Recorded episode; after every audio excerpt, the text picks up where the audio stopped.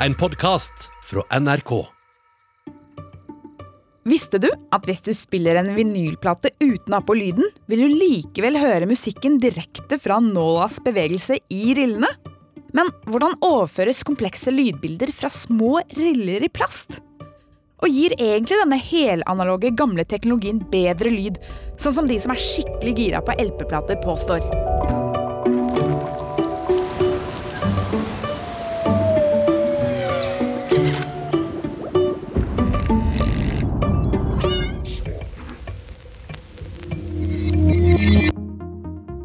Velkommen til en ny episode av Smartere på ti minutter. Der jeg, Selda, forteller deg om fakta, vitenskap, historie og andre morsomme ting som forhåpentligvis gjør deg litt smartere innen ti minutter.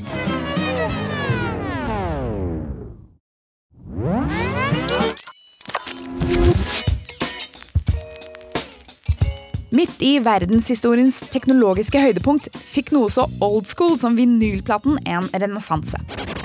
Og på tross av at de fleste trender er flyktige, ser vinylplaten ut til å ha sikra seg en ny, urokkelig posisjon i forbruksvannet til et bredt spekter av musikkentusiaster.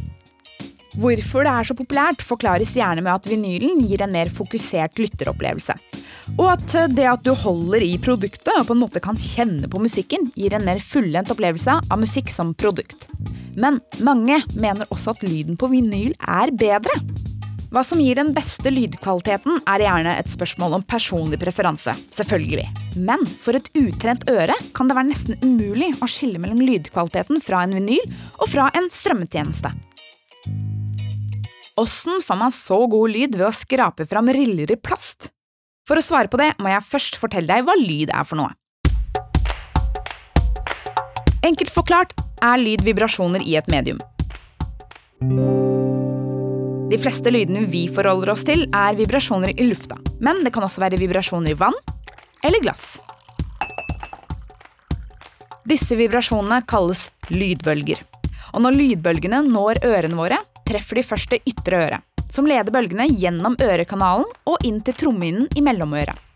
Bølgene får trommehinnen til å vibrere, som igjen aktiverer tre bitte små knokler som forsterker lyden og sender den gjennom en membran til det indre øret. Det indre øret er fylt med væske som settes i bevegelse av lydbølgene. Bevegelsen puffer til titusenvis av mikroskopiske hårceller som skaper elektriske signaler, som deretter sendes til hjernen. Ganske komplisert, egentlig. Det er forresten disse mikroskopiske hårcellene som får seg en trøkk dersom øret utsettes for høy lyd, altså for svært kraftige lydbølger. Er lyden for høy, kan noen av hårcellene dø, og for hver døde hårcelle blir hørselen bitte litt nedsatt. Uansett, veldig enkelt forklart så er vinylplaten et analogt opptak av disse lydbølgene. Man har altså rekonstruert de faktiske bølgene i fysisk form. Og det er ganske kult.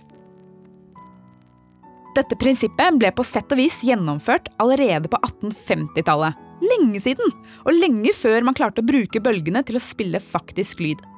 Det ble gjort av en fransk boktrykker ved navn Edouard Leon Scott de Martinville. Ok, han hørtes litt mer spansk ut når jeg sa navnet hans, men han var fransk. Han fant nemlig opp fonoautografen, og det var en slags rekonstruksjon av et menneskelig øre. Som ved hjelp av traktlignende horn, en påspent bit av pergament eller skinn for vibrering, og med et hårstrå som pensel, klarte å bruke vibreringen fra lydbølgene til å ta opp, eller rettere sagt tegne lydbølgene fra faktisk lyd. Det eneste problemet var at disse opptakene kun var visuelle, altså kunne ses på papiret, ikke høres. Det var ikke før på 1870-tallet at man innså at disse visuelle lydbølgene i teorien inneholdt nok informasjon om lyden til at man kunne bruke dem til å gjenskape den. Det skulle likevel ta 150 år før vi kunne høre Martin Wills papirmusikk. I 2008 ble de visuelle lydbølgene skannet inn av en datamaskin og gjort om til lyd.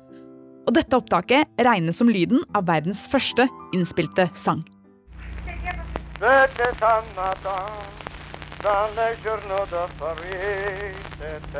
Åh, det er så vakkert!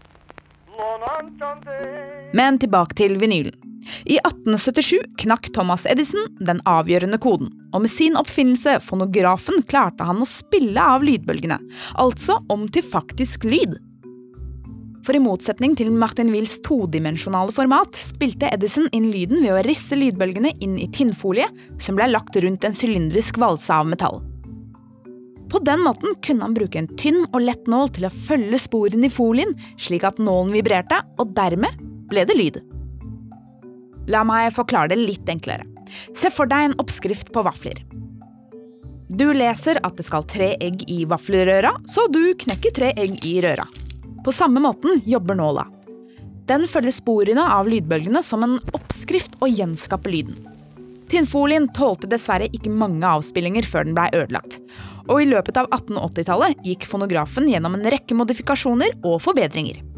Etter hvert ble tinnfolien erstattet med voks, som både ga bedre lydkvalitet og den tålte mye mer.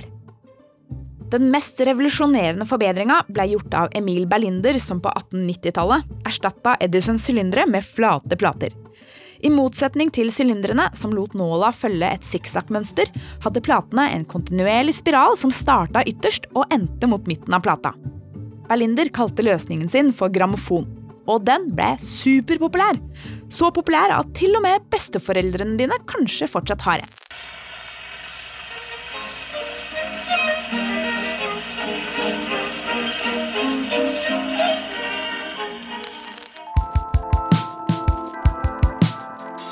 Et nytt marked for vinylplater, eller grammofonplater som det het den gangen, ble introdusert. Kvalitet og materialbruk har riktignok endra seg over tid, men prinsippet er fortsatt det samme i dag. Ved produksjon blir musikken spilt over på en plate i sanntid, der en nål rett og slett graver lydbølgene fra musikken inn i plata. Deretter blir den plata brukt til å støpe en negativ i metall, altså en støpeplate der rillene stikker utover i stedet for innover, og denne støpeplata her, eller masteren som den også kalles, brukes i en hydraulisk presse som rett og slett presser lydbølgene inn i nye vinylplater. Men hvordan kommer lyden fra vinylspillernåla ut i høyttalerne dine? Jo, når vinylen spinner, så vil nåla følge rillene, altså disse tredimensjonale lydbølgene. Og når nåla beveger seg opp og ned i rillene, så overføres disse bevegelsene inn til en liten magnet i nålearmen. Bevegelsene i magneten lager elektriske signaler som sendes til en høyttaler.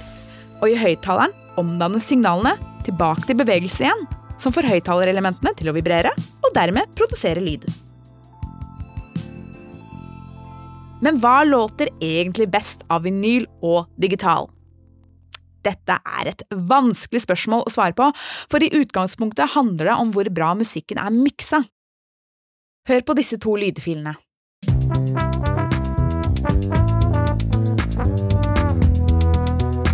Ja, det var den ene, og her er den andre.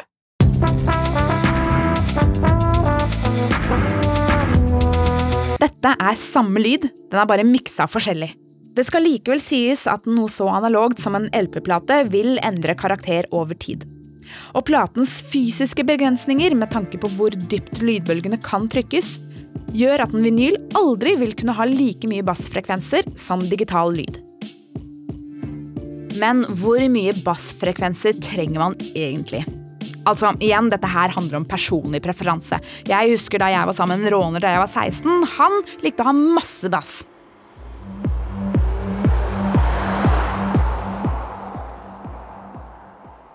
Så kort oppsummert. Lyden fra LP-plata kommer fra riller i plasten. Disse rillene er en oppskrift nåla følger for å skape lyden. Om denne lyden er bedre eller dårligere enn annen lyd, er høyst subjektivt. Én ting som er helt sikkert, er at ritualet rundt LP-lytting og den unike lyden av nål mot vinyl alltid vil være forbeholdt den gode, gamle og tilsynelatende udødelige LP-plata.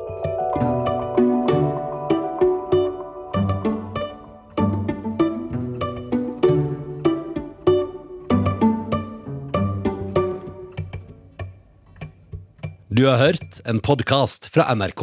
Hør flere podkaster og din favorittkanal i appen NRK Radio.